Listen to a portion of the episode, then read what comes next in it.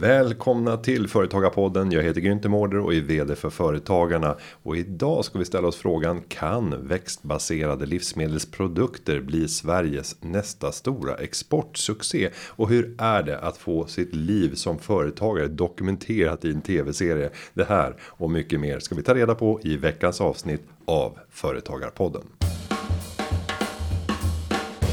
Vi säger varmt välkommen till serieentreprenören Soros Tavakoli. 2014 så sålde han videoannonsbolaget Videoplaza för en halv miljard kronor. Nu driver han Stockeld Dreamery som vill göra världens mest ambitiösa ost utan att påverka klimatet. Han är även aktuell som en av huvudpersonerna i realityserien Vägen till framgång. Välkommen Soros. Tack! Underbart att ha dig här. Så kul att vara här. Och jag vill ju omedelbart kasta oss in i eh, frågan som jag ställer till många av mina gäster. Vad gjorde att du blev företagare? Det var. Jag vill inte jobba någonstans. Det var så Ungefär enkelt. så. Jag kommer ihåg sista åren på KTH där jag bara inte kände mig lockad av att jobba på någon av de här bolagen som jag var i kontakt rätt mycket med näringslivet. Jag drev en grej som hette branschdag medieteknik. Och jag bara kände, och det, det, här var, då ska vi vara medvetna om, det här var början av internet, lite så internet 2.0. Eh, där jag bara kände, min, min chef kommer aldrig fatta vad det här är. Så att eh, det var mycket det som drev. Eh, Och, och internet 2.0 då låter det som 2006 ungefär eller? ja, Någonstans ja, där. spot on. Ja, eh, och, och nu eh, har jag en, eh, en bonusdotter som pluggar på KTH mediateknik och är ansvarig för de här branschdagarna och är en i teamet. Vad skulle vara din rekommendation till henne när hon ska tänka framtiden? För hon befinner sig där du var 2016. Gud vad roligt. Eh, nej men jag, det var en av, det var, det var där och då mycket av typ den jag är formades, kommer jag ihåg. För det var, det var då jag fick träffa SVTs vd, eh, hon Jutterström, jag fick träffa massa superspännande människor. Och insåg lite så här, ja men de är liksom, vad ska man säga, man både så här man fick mycket självförtroende. Jag, jag, kan interagera med de här människorna. Jag kan få dem att komma och, och till exempel då prata på ett event som jag eh, är liksom ansvarig för. Ja, men det kanske inte är så omöjligt att liksom komma upp på den här nivån. Eh, betyder inte att jag skulle kunna vara vd för SVT, men någonstans där, men jag skulle också kunna göra någonting. Så det var mycket och, och fick en känsla för det också när man studerar så är allt så himla teoretiskt. Och det var så fantastiskt att få komma ut och, och, och på riktigt träffa den riktiga världen. Eh, det var också en väldigt stor eh, fördel med att vara, vara involverad i, i den biten. Då. Och, och om vi går till din genuppsättning och tittar vad du fått i, i modersmjölken. Mm. Finns det entreprenörskap tillbaka i generationer? Nej, Ingenting. nej. Mamma och pappa båda ekonomer. För det är Eh, ganska ovanligt att man inte har den där ådran har färgats av. Va, vad tror du utöver skolgången har, har gjort att du har kastat in i, i entreprenörskapet ändå? Jag vet inte. Jag, jag vet faktiskt inte. Jag har... Jag, jag, jag är alltid väldigt liksom, ambitiös, ty, tycker om att tänka stort och vill förändra saker. Så det är väl någon ivrighet där som, som gör att jag... Jag tror inte jag skulle platsa i något, i något annat sammanhang på ett bra sätt. Ehm, Och sen om vi tittar på, på universiteten och högskolorna och särskilt så här, erkända skolor som KTH. Jag menar man ska ju fostras för storföretagandet och offentlig sektor och ledande positioner. Eh, på vilket sätt har du haft hjälp av utbildningen när det kommer till företagandet? Man får ju en viss allmänutbildning, men jag brukar ju säga jag kommer ifrågasätta starkt om mina barn ska lägga liksom ytterligare fem år på, på att studera. De, jag, jag tycker det är en sån enkel väg att eh, tillfredsställa världen, alla andra och säga amen, jag ska plugga det här. Alla bara oh bra. Medans det är ändå en rätt stor investering, fem år eller fem och ett halvt eller fyra och ett halvt vad det nu kan vara av ditt liv och kan göra något annat. Alltså, jag tycker studierna var extremt ineffektiva om man tänker på den, den, de åren man la. Eh, så hade man haft andra möjligheter att på något sätt lära sig eller utvecklas och bygga relationer och man behöver lära sig massa olika saker. Det finns ju rena kunskapen men det är också hur man samarbetar med sina studiekamrater i olika projekt. Hur man kommunicerar, hur man presenterar, hur man löser konflikter. Alltså allt det där. Eh, det är det man tar med sig. Det är inte jättemycket kanske den här rena kunskapen. Um, så att ja, det var väldigt mycket mina klasskamrater till exempel, den interaktionen, de bitarna är super, super värdefulla. Sen fick man ju en grund, jag menar allmänbildning egentligen. Lärde sig lösa problem och sådär. Sen är ju min uppfattning kring studiegången att det inte alltid är 100% tempo. Det finns tid för rätt mycket annat. Och det där rätt mycket annat, hur såg den tiden ut för dig? Ja, men absolut. Och det är väldigt värdefullt. Och det blir olika personer använder det på olika sätt.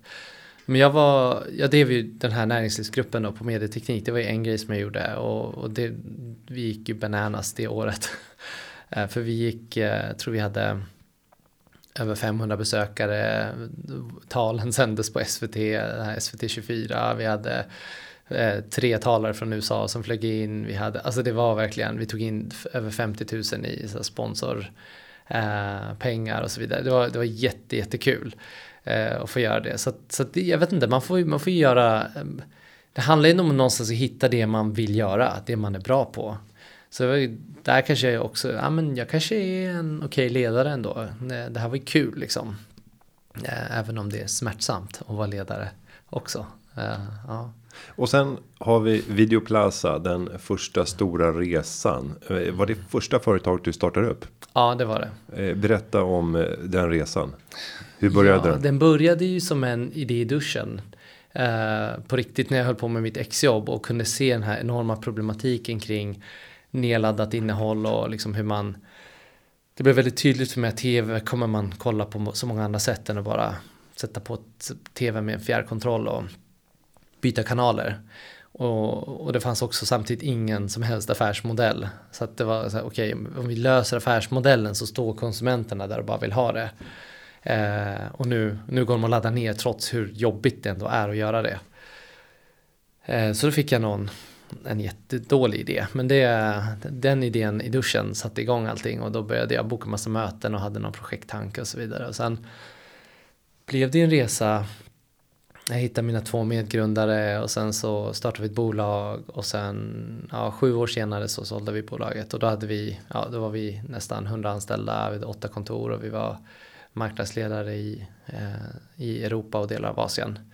Men eh, ja, det var ju det var inte på något sätt en linjär resa. Det var ju världens rollercoaster med eh, alla möjliga utmaningar och um, någonstans det känns som att man ständigt bara jobbar i, i, i motvind och allt liksom sju år av krishantering som blev till någon typ av framgång till slut.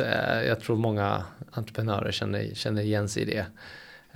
Um, och hittade mm. ni affärsmodellen tidigt eller karvades den fram successivt? Nej men det tycker jag. Det var rätt straightforward. Vi sålde mjukvara och tog betalt för den. Liksom. Det, var, mm. det var rätt tydligt. Vi var ju väldigt tidiga. Byggde ju den här marknaden kan man säga. Var, var med mycket och utbildade eh, tv-bolagen och mediebolagen kring video på nätet och ja, hur man ska kunna eh, tjäna pengar på det och bygga en affärsmodell. Hur hanterar man de här annonserna och hur ska man sälja dem och ta betalt och allt det där. Eh, men det fanns ju också en frustration att vi var vi var ju mjukvaran som skulle möjliggöra den här affären. Men sen fick vi inte vara med i affären. Eh, sen var vi ändå beroende av att en kanal 5 kunde sälja annonser. Eller hur de valde att bygga sina olika tjänster. Och den, det var väl en frustration som jag bar med mig lite till nästa grej. Och sen en annan grej var också, eh, ja vi, såld, vi sålde ju till förlorarna kan man säga. Så alla traditionella mediebolag hade ju utmaningar för de förlorade ju hela tiden mot YouTube och Netflix och Facebook och Google och så vidare. Eh, och vi sålde ju mjukvara till dem. Så att eh, det hade ju varit skillnad om man sålde till vinnarna så att säga. Mm. och det är just den marknaden gick, gick ditåt då. Så att det var, stort, det var svårt att helt rida med i den vågen. Den vågen blev inte fullt så stor som man skulle kunna tro då. Och, och sen får ni ett bud på bolaget. Jag misstänker mm. att det här var inte första budet. Hade det kommit? Ja, alltså det, nej, det, var, det droppade aldrig bud så skulle Nej. jag säga. Utan det var... Nej men det var första seriösa. Det var ju, höll ju på ett, ett helt år skulle jag säga. Från första kontakten Ja, till exakt. handskaket och pengar på kontot. Ja. Ett år. Ja. Och det var alltså det, det där kan man, det önskar jag folk pratar mer om. Eh, För den, det var ju något som jag kände att man hade ingen kunskap om och ingen förståelse för heller. Hur funkar det när man säljer sitt bolag? Extremt påfrestande. Men det är ju hela starta. Alltså är du inte lönsam så har du ju ofta liksom de här deadlinesen med liksom du måste ta in mer kapital. Och eh, men det började väl med att de, de hörde av sig och sa att vi, eh, vi är Telstra och vi har den här stora visionen och vi skulle gärna vilja prata med er om den och började interagera. Men vill ni vara en del av det här? Det var väldigt oklart liksom vad det skulle kunna vara. Om det var något partnerskap eller liksom om det var uppköp eller men till slut så kom jag, men det, det blev tydligt att de funderar på, men sånt där tar man ju inte på allvar. Men man var så här, fine, får se då. Sen bestämde sig den här killen för att flyga till Stockholm från Sydney. Och då blev man så här, okej, men det här är ändå på riktigt. Men de, de varnade ju oss många gånger att de är jättestora och att det tar tid och sådär. Eh, Så vi, hade, vi, hade, vi höll ju det varmt liksom samtidigt som vi fortsatte verksamheten. Och sen accelererade det liksom med tiden. Sen skulle de köpa ett till bolag. Det bolaget skulle sen köpa oss och en annan. Extremt komplext. Eh, politiken, alltså de... Ja, sånt här är väl preskriberat nu, men de kunde ju ringa ibland och säga nu kommer jag ge dig ett bud. Nu, eh, säg inget, ring mig inte på fem dagar. Så här, så, så, så skickar det rätt signal, så återkom, alltså du vet, det var extremt eh, spännande att, att få lära sig hela den eh, processen och ja, men man, man är medveten om att när det är ett stort bolag också så kan ju bara det kan vara dåligt kvartal, det kan vara vd-byte, boom, så ryker ju hela dealen. Så det är alltid, ja, Och så min, min erfarenhet är också att när man upplever att 95% är färdigt. De där sista 5% tar lika lång tid som de första 95. Man har skakat hand, vi är helt överens. Vi, vi ska bara fixa detaljerna. Eh, Var det den upplevelsen även från er horisont? Ja, alltså under den här, det här året då, de första tre månaderna, då hade, höll vi på att ta in 10 miljoner dollar i kapital. Då var allt klart. Alltså allt, allt klart. Det skulle upp till board approval hos den här, det här boljusteraren då. Och det föll där. alltså det var något av det, något av det hemskaste, den, det samtalet jag fick. Eh, så, så jag hade ju åkt på den en gång redan. Det har, det brukar var ju- härdade? Ja, lite. Och sen, ja, nej, men det var, sen till slut bara då, sist, sista värt att säga. Vi hade ju, våra bankers var i New York, eh, jag bodde i London, eh, vårt finance team och vissa var i Stockholm. Eh, det här bolaget, eh, hur, moderbolaget var i Sydney och eh, bolaget de just hade köpt som skulle köpa oss satt i San Francisco. Det var det runt liksom 24-7 liksom var det bara samtal och mail så fort man vaknade. Det var samtal. Och det, och det var de där sista 5 procenten. Det var typ 70 personer som var inne och kollade på vårt datarum. Olika revisorer och ja, det skulle dra jurister. Alltså det var verkligen extremt intensivt. Uh, och ja, men vi fick till det. det var, jag kommer ihåg när, vi, när det väl blev klart, då kände jag mig som en så här boxare som hade så här massa blåmärken och höll upp det här bältet och bara... Gjorde det. Så här, ja, vi gjorde det. Eh, Men ja. vad, vad hände för den här boxaren efter det då? För det kommer ju också ofta en period av så här, vad har vi gjort? Nej, det var, det, jag hade inte så mycket Nej. sånt. Och jag hade ingen så här, åh min bebis, inget sånt faktiskt. Det kändes som helt rätt grej för, för teamet, för kunderna, för investerarna och ägarna. Så att det kändes väldigt bra. Rakt igenom ska jag säga. Och då börjar du ladda om. Ja, eller bör, ja det, det tar ju tid att ladda om. Först behöver man vila lite. Men sen, var ju, sen flyttade jag till New York faktiskt med nya ägarna och liksom var inte vd för två, ungefär två år. Det var kul att få göra till äventyr och bo, och bo där. Och sen så... Ja, men jag försökte ju ta lite möten och jag bara märkte att jag inte alls redo. Jag satt och bara var bitter. Ehm, Ehm, så jag behövde vila, verkligen. Jag hade fått min son, första son då, så vi liksom, jag hängde mycket med honom och bara så här, tog det lugnt och fokuserade lite på så här, hur kan man, men, lite filantropi och ville donera lite av pengarna. Så det var väldigt kul och man var motiverad att förstå så här, hur kan man göra gott och vad är det för skillnad på olika välgörenhetsorganisationer och modeller och sådär. Så det var väldigt kul att få göra något lite annat så ett tag. Eh, och det var egentligen där, där min resa började. Jag kände, men det är ändå där jag vill vara. Jag vill göra en till grej. Men fan vad svårt det var och kommer garanterat vara igen. Och då måste det verkligen betyda något. Men vad betyder något för mig då? Och börja liksom leta efter den grejen. Och då, då någonstans landar jag till slut. Men jag, det är klimatet som är desto mer man läser om klimatet, man får, alltså man får ju verkligen panik. Eh, allt, allt liv som vi känner till idag står på spel. Och det är, det är akut, det är ju saker som händer nu, det är saker som redan hänt. Det är de här, vi går ju mot diverse tipping points som är irreversibla, liksom. det går inte att när det väl smälter, du får inte tillbaks den där isen. Dessutom blir det ännu varmare så att det, det blir ännu svårare, för, du smälter ännu mer is och så vidare. Um, så för mig blev det väldigt tydligt att men det är där, där den, that's my cause, jag vill vara med där. Och då är det vad kan jag göra och då är det verkligen genom företagande, genom liksom marknadens krafter. Det är där jag vill verka och använda den här kapitalismens liksom verktygslåda. Eh, för det är det, det är det jag verkligen kan. Men jag tror också att det är en jättestor del av lösningen. Men det är, det är långt ifrån enda lösningen. Eh, ja, och det tog mig till att jag kollade på så här, hur kan man fånga koldioxid ur atmosfären. Det kändes väldigt tidigt eh, och svårt. Men jag, jag, behövde också göra något som var tidigt för att jag kunde ju ingenting. Så att, eh, ja, jag kunde inte ge mig in i solenergi liksom, där det fanns proffs och bolag som redan var stora. Eh, sen kollade jag på, det tog mig till alger, eh, det var ett bolag som kollade på hur man så här, fångade koldioxid genom att odla alger. Och så här, vad kan man göra med algerna? Man kan mata dem till djur och fiskar och så vidare.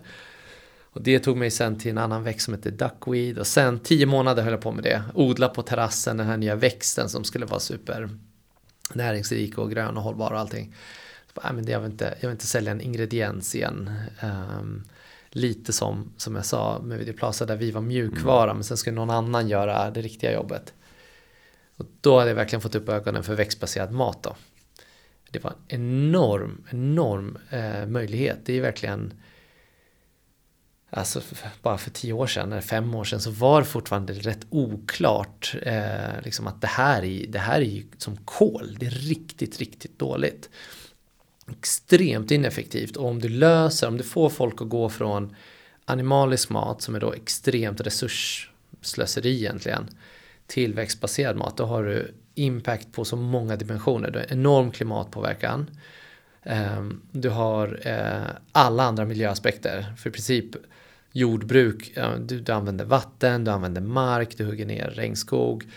Ehm, all övergödning, alltså alla miljöaspekter.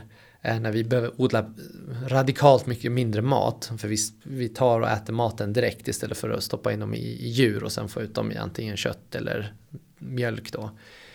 Eh, så får enorma miljövinster men det är också den här eh, hälsoaspekten. Vi äter ju alldeles för mycket animalisk mat idag, rött kött och så det finns hälsoaspekt och sen finns det eh, också hur vi behandlar djuren då. Så när, när, man väl tittar in i den här liksom djurindustrin att det är helt groteskt liksom. Det är ju, alla vet om det någonstans men när man äter kött och mejeri så är man ju man är inte särskilt mottaglig.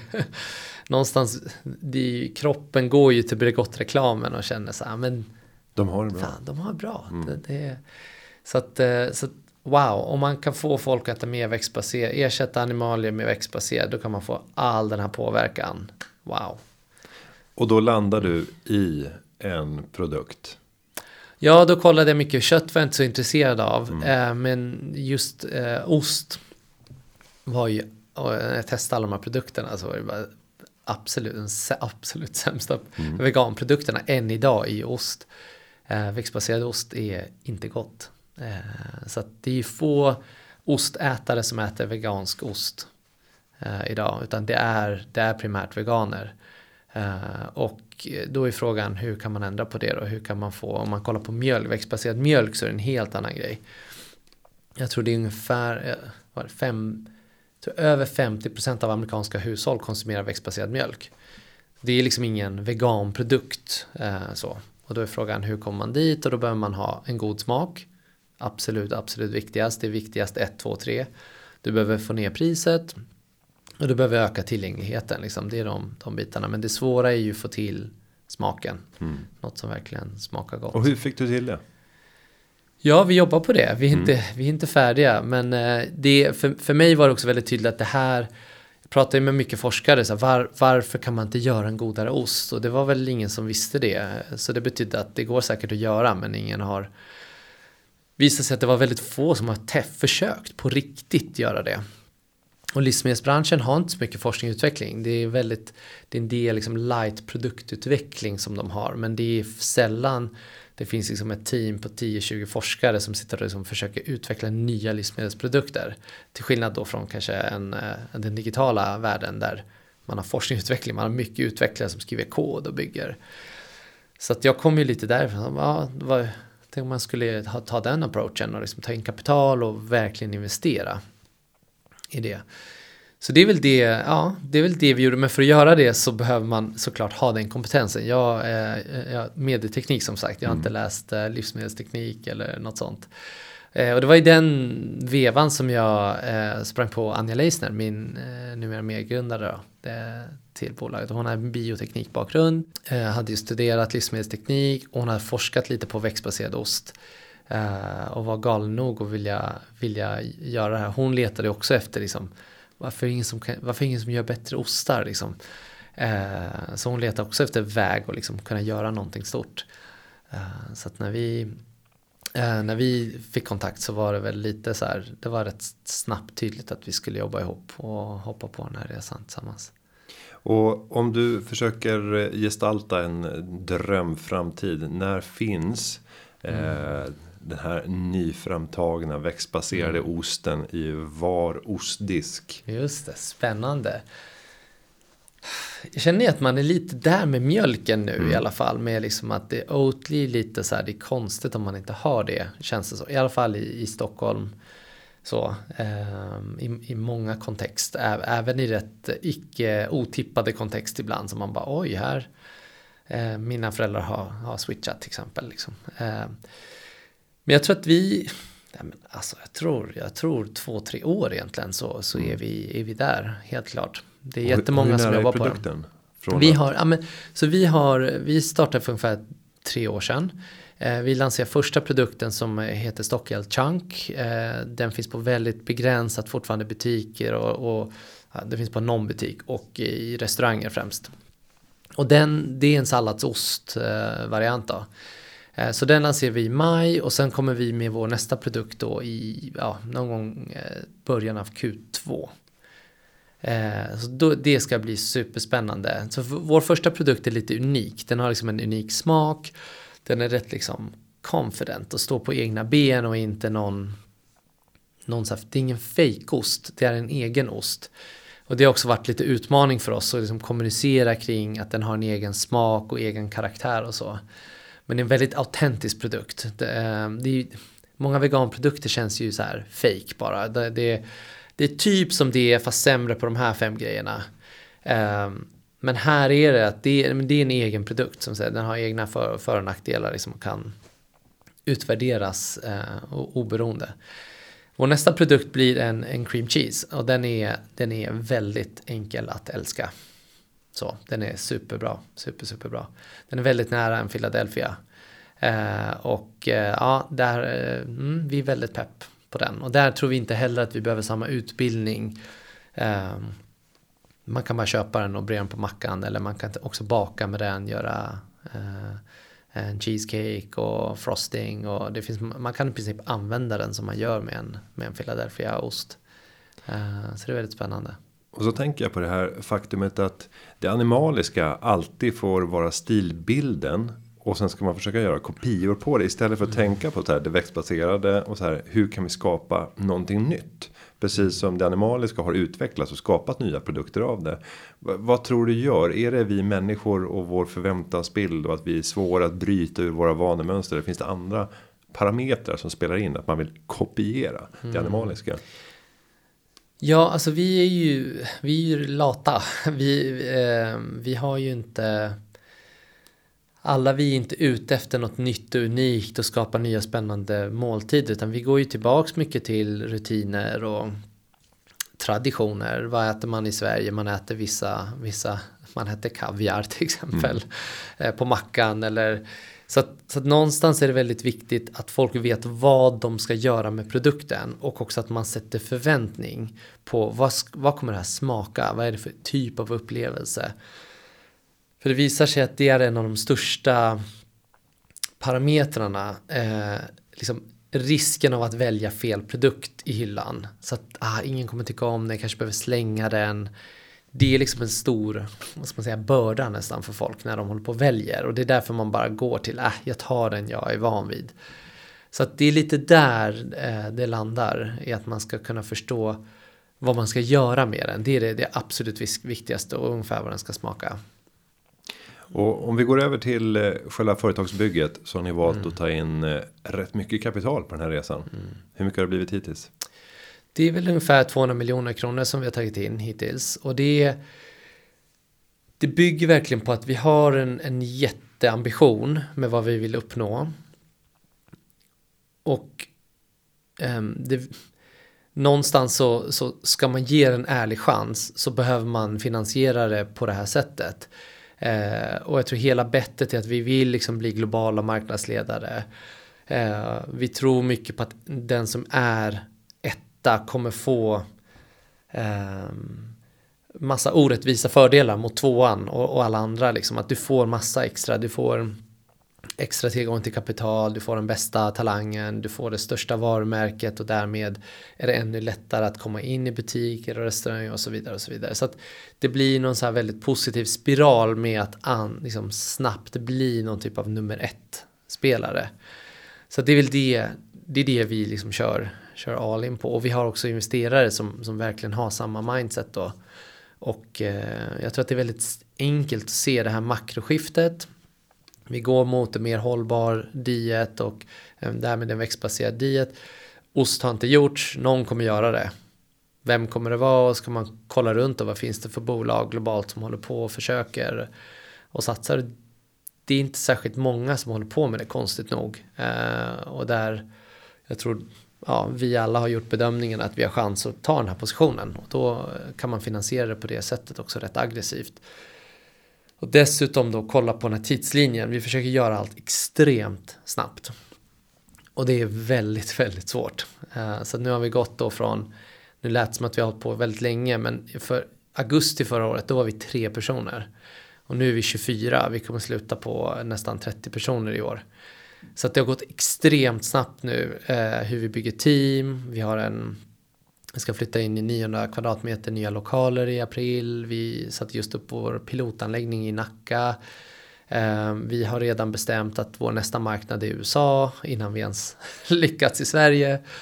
Det är mycket grejer vi behöver göra parallellt där man annars kanske tar det liksom linjärt, steg för steg. Ja, men nu ska vi först bevisa det här och sen när vi är redo gör vi det. Utan Ja, vi, vi gör mycket saker parallellt och det kostar mycket tid och energi men det går snabbare och, och genom att göra det så, så kan vi också ta bort viss risk då med att eh, komma för sent så att säga. Eller fördelar vi får av att kanske vara först.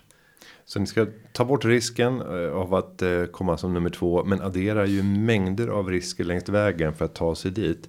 Mm. Vilka risker gör mest ont i dig som som entreprenör mm. när du tittar? För det är ju hela tiden för en avkastning så måste du ta risker.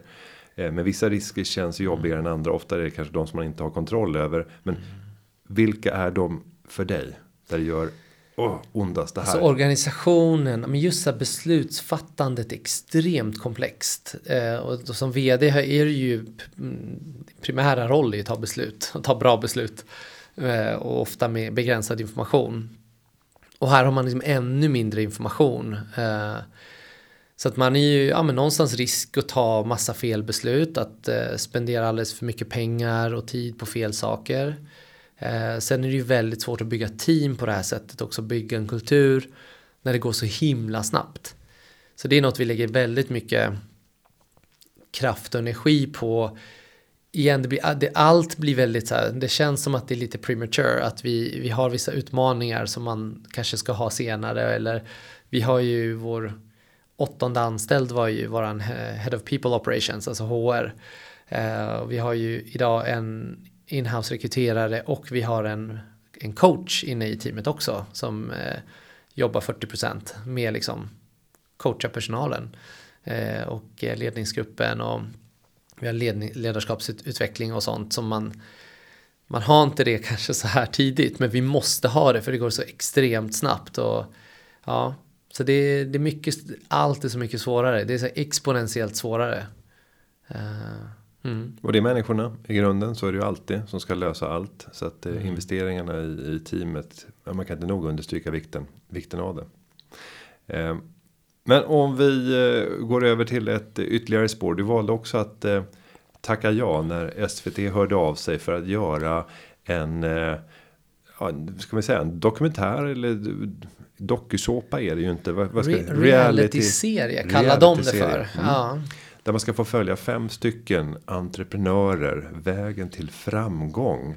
Eh, pitchen som du fick hur lät den och vad var det som gjorde att om det här känns rimligt, det här tackar jag gärna ja till? Ja, men bra fråga. Nej men. Ja men de, de hörde ju av sig och sa men vi ska göra en sån här serie, följa entreprenörer och vi vill komma liksom in intimt för att verkligen liksom um, det, är inte, det är inte helt olikt anledningen till att jag är här. Alltså man, vill, man delar med sig av sin, sina erfarenheter, kunskap och på något sätt med en strävan av att inspirera andra eh, till att göra någonting liknande. Man har själv fått så extremt mycket inspiration och kunskap och lärdomar från andra och det är, så, det är ett bra medium. Liksom. Sen är det såklart bra för verksamheten också att man får exponering. Men vi, jag satt ju med min fru mycket och funderade på det. Liksom, ska man göra det? Och eh, de vill ju komma hem och filma och lite sådana grejer också. Men ja, en stor del av alltså syftet, anledningen att Stockeld finns, eh, det är ju det är inte att göra ost nödvändigtvis. Det är, vi vill ju, och jag egentligen vill vara med och lösa den här stora klimatkrisen och liksom någonstans sätta en grund för en hållbar planet eh, för framtida generationer. Det låter grandios, men det är syftet med Stockeld, eh, är det. Um, och då man kan liksom inspirera, en, en, stor del av också vad vi gör, faktiskt väldigt uttalat. Vi, vi är väldigt verbala, aktiva. Vi vill liksom, eh, vi var ute och demonstrerade för Fridays for Future. Vi kommer liksom försöka hålla en, jobba på andra sätt också att påverka mot eh, den, för, de förändringarna som vi känner är helt nödvändiga för, för att säkra den här framtiden. Och, och, lite, och det kommer vara lite jobbigt men det kommer också ge massa fördelar till bolaget. Då. Så, att, så någonstans där att det är värt eh, lite privatliv. Eh, det var väldigt påfrestande att ha den där, eh, de där kamerorna med sig. Man var helt utmattad varje sån filmdag så kom man hem och bara helt knockad. Eh, men att kunna inspirera folk att det går, det går att ta, göra en sån här resa. Det går liksom att en kille som inte kan någonting om det här. Eh, man, man kan få en sån här idé. Man kan eh, tillsammans då med andra eh, starta ett bolag från ingenstans och försöka utveckla de här produkterna och ta dem till Vi var ju filmade på fabriken till exempel. Vi var och filmade vår lanseringsdag. Eh, de får ju också följa med eh, när vi gör en av våra pitcher då mot en investerare. Så det, det kommer ju kunna vara jättekul för folk som försöker resa kapital och jag får ofta frågan hur tog ni in så mycket kapital? Ja, men det är typ dokumenterat. Det kommer kunna gå, man kommer kunna se hur vi pitchade eh, det mötet, vilket också var extremt påfrestande. Mm. uh, Inte nog med investerarna, exakt. ska allt dokumenteras och visas i öppen Ja, kamera i ansiktet när man står och liksom ja. äh, berättar om verksamheten. Och, och, och, sen så insåg jag, fick lite kvitto på det när vi satt med de andra också, kände så här, nej men det, av alla som var med där så var det väldigt tydligt att för mig var i alla fall den här impact-delen var mycket, mycket högre på agendan. Och så jag, då blev jag väldigt glad att jag var med och att den, även den rösten blev hörd.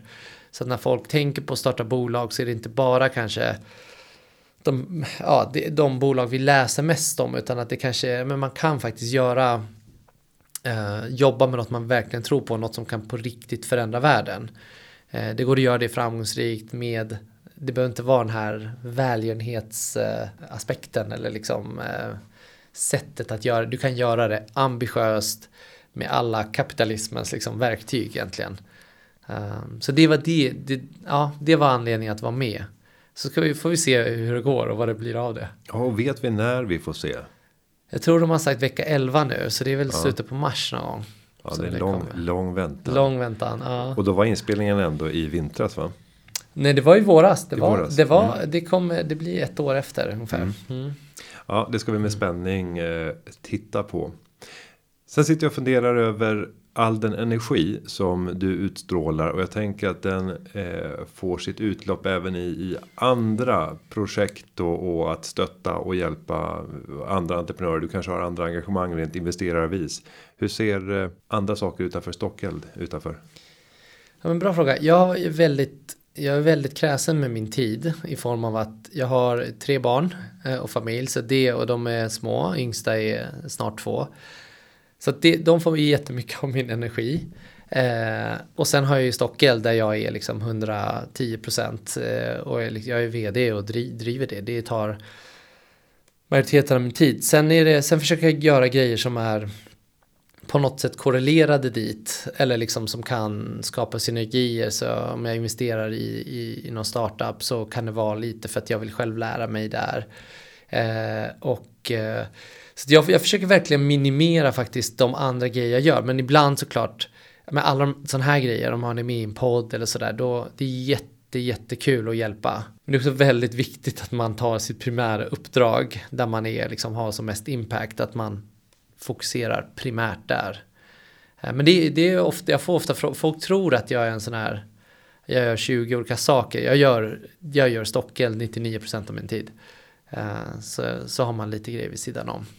Men ingen styrelse och jag vill investera kanske i någon startup per år. Alltså det är verkligen undantaget. Jag tänker just det där som du pratar om. Att lägga all sin kraft och energi på det primära där man har störst impact. Det där är ju väldigt svårt för entreprenörssjälar. Som ofta hoppar på det ena efter det andra. För att det är spännande, för att man ser en möjlighet. Vi är ju möjlighetsorienterade. Mm. Hur ska man göra för att lägga band på sig själv? Både internt i företaget, för det är andra saker som pockar på. Så bara, men kan inte Stockeld göra det här mm. också? Så bara, nej, nu är det fokus på de här tre produkterna mm. globalt. Hur gör man för att mm. samla fokus och inte riskera att komma ut i periferin och hitta på massa andra spännande saker som också är bra? Mm, jättebra fråga. För mig är det, jag känner bara att stock, om Stockeld på riktigt är framgång, eh, framgångsrikt så har vi, kan vi ha en så enorm påverkan att allt annat jag duttar i kommer inte kunna jämföras med det. Och det är samma sak vi pratar, när vi pratar hållbarhet inom bolaget. Eh, vi flyger när vi behöver. Vi, vi liksom, det viktigaste för oss det är antal ton, eh, låt säga animalisk ost som konverteras till växtbaserat. Där har vi sån enorm leverage i hur mycket påverkan vi kan ha. Och sen använder vi alla verktyg vi kan i den här verktygslådan som, som den här fantastiska eh, civilisationen har skapat nu för att kunna driva på det. Um, och det är lite samma där och jag kan hjälpa någon här och där med min timmes liksom men, mentoring av någon eller om jag är med. Alltså det, det påverkar ändå inte alls på samma sätt som om Stockeld kan vara något mer framgångsrikt eller om man minimerar risken. Uh, och för mig så kommer det alltid tillbaka till så här strategi. Det finns ju någon så här porter. Uh, strategi handlar ju om vad du väljer att inte göra. Mm. Det, det, det, är det enda. Det handlar inte om vad du gör. Uh, och då ska man också ha en egen strategi, personlig strategi. Var vill jag liksom lyckas och vara framgångsrik? Um, ja, men li lite så uh, ska jag säga. Sen tror jag det är olika faser. Just nu är vi i en fas där vi är väldigt heads down. Vi har vi är inte ute och marknadsför oss så mycket och så vidare. Då är jättemycket internmöten, rekryteringar och produkten och allt det där. Det kommer ju flippas kanske om ett eller två år så kommer jag vara mycket mer extern. Eh, så att sånt går också lite i vågor. Att man får göra det som är rätt för, för businessen. Och ja, om man träffar Daniel Ek nu så han spenderar ju inte, inte jättemycket tid eh, i i Spotify på det sättet. Man kan ändå ha den enorma impact som man har som vd för bolaget. Så det, det är superspännande att kolla på det också, den resa man själv kan göra över tid. Och om vi tittar över tid. När det gäller Stockel så misstänker jag tillsammans med investorerna så har ni väldigt tydliga uppsatta ja, mättal som ni ska leverera på. Det mm. finns en klar plan för hur ni ska rulla ut produkterna. Men om vi tar dig då som privatperson. Bygger upp mm. någon, eh, någon måltal. Vad kommer vara viktigt för dig i livet? Du är väldigt syftesdriven. Du pratar mycket om familjen. Finns det några tydliga målsättningar där du kommer kunna titta tillbaka på livet och säga så här att jag gjorde det eller nej, jag hade kunnat göra det annorlunda. Jag hade kunnat göra det bättre. Sen brukar det variera över tid. Men mm. finns det den typen av privata målsättningar? Just nu, nej, alltså jag har inte någon så här, vissa har ju någon så här siffra av hur mycket pengar de vill tjäna eller vad, jag har inget sånt där men um, just nu jobbar jag mycket på att så här, när man, desto äldre man blir, desto liksom, nu är jag 39 så att jag, jag är inte särskilt gammal, men man får ju, man får ju liksom på något sätt chansen att vara sig själv mer och mer. Det är ju liksom en lyx, man bryr sig mindre om vad andra tycker. Så jag är lite i sån fas där liksom jag har någon så här aktiviströst i mig. Som, som hörs högre och högre och den vill jag liksom ta ut på riktigt. Och det är någon, nästan någon inre resa som också kommer bli såklart en, en yttre resa. Att verkligen kunna vara mitt sanna jag. Det är liksom det är det enda man kan ångra också tror jag. Att så här, det där jag gjorde den grejen för att de ville det. Eller jag gjorde den grejen för jag trodde att det förväntades. Så kan man verkligen genuint vara sig själv. Och jobba på det man tror på och, och se ifrån när det behöver ses ifrån. Liksom, då blir man också så, så det, man blir så äkta, man blir liksom den bästa versionen av sig själv. Sen är det en resa, det är lite o, kan vara obekvämt. Eh, det är ofta obekvämt att helt landa där, men det jobbar jag på med mig själv och tycker det är skitspännande och, och väldigt liksom rewarding. Eh, ja. ja belönande. Belönande, ja. verkligen. Nej, och, och mm. de där eh, målen och tankarna brukar ju förändras med, med åren. Går man tillbaka till sig själv för fem eller tio år sedan så såg det helt annorlunda ut. Och det är väl förmätet att sitta här, jag är också 39. Eh, och fundera över, ja vad kommer vi tänka där på ålders höst, vad kommer vi se tillbaka på. Mm. Men jag har alltid varit väldigt eh, här, medvetet styrd av både privata och, och professionella mål. Mm. Även om det alltid blir fuck-ups. Det blir aldrig som jag tänkt mig. Men om de inte hade funnits där så hade jag sannolikt inte fått göra så mycket roliga saker som jag fått göra. Mm. Um, så jag, Exakt, jag och så länge man är sann mm. mot sig själv och, mm. och vet att man man vet varför man gör saker, man vet varför man inte gör saker. Man är liksom väldigt medveten i, i sitt handlande. Och det är väl någonting också med, jag brukar, eh, jag och Anja brukar prata om det, du, vi har valt att göra det här för det blir ju tufft hela tiden. Mycket jobb, mycket stress, eh, man jobbar på relationen, det kan, liksom, vänta, låt oss, vi har valt att göra det här, ingen har tvingat oss, liksom, vi ska fan må bra här. Vi måste hitta det. Det betyder inte att det inte kommer vara svårt, men det är väl en fantastisk grej med att vara företagare någonstans. Att man har valt, eh, valt att göra det man gör. Eh, och då måste man ta det hela vägen någonstans. Och nu tänker jag att du ska få avsluta där du började. Du ska få gå tillbaka till den här klassen nu där min bonusdotter går på KTH Mediateknik. De ska eh, arrangera de här branschdagarna. Vad ska de tänka på inför den kommande framtiden? Ljusnande framtid som är deras. Mm. Vad skulle du ge för råd? Du ja, har varit där. Ja men verkligen. Jag skulle, rådet skulle vara att vara bara så här radikalt eh, nyfiken. Och bara, för, för i den åldern vet man inte riktigt vad man vill. Man vet inte vad man är bra på. Man vet inte vad som är kul. Man försöker hitta mycket i sig själv. Så att man också går och gör det på riktigt. Och utmanar sig själv och liksom försöker vara medveten om att det är det man gör eh, också. Så att eh, det, finns, det finns mycket, när man håller på med en sån grej just så finns det många nya grejer att utforska om sig själv. Så det skulle vara mitt tips till, till din dotter. Och jag tänker den här nyfikenheten. Jag tycker, tycker att den karaktäriserar nästan alla framgångsrika entreprenörer.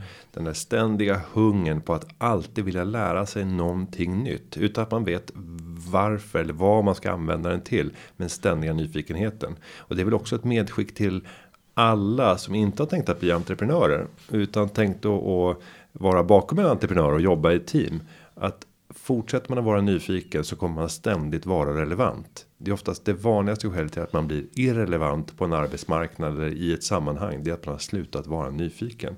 Så man till slut blir frånsprungen av det samhälle som rör sig snabbare idag än någonsin tidigare. Och det kommer inte gå långsammare.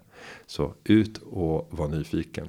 Jag vill säga ett stort tack för att du kom till Företagarpodden och vi fick låna dig den här tiden. Tack, det var jättekul att vara med. Och vi eh, ses i ostdisken framöver. Ja, hundra procent. Ja. Och jag ska säga att, att vill du läsa mer om Stockeld Dreamery och andra spännande matbolag så ska du kolla in nya numret av tidningen Företagaren. Podden är klippt av Petra Chu och underlaget är gjort av David Hagen. Vi hörs igen nästa vecka. Ha det så gott. Hej då!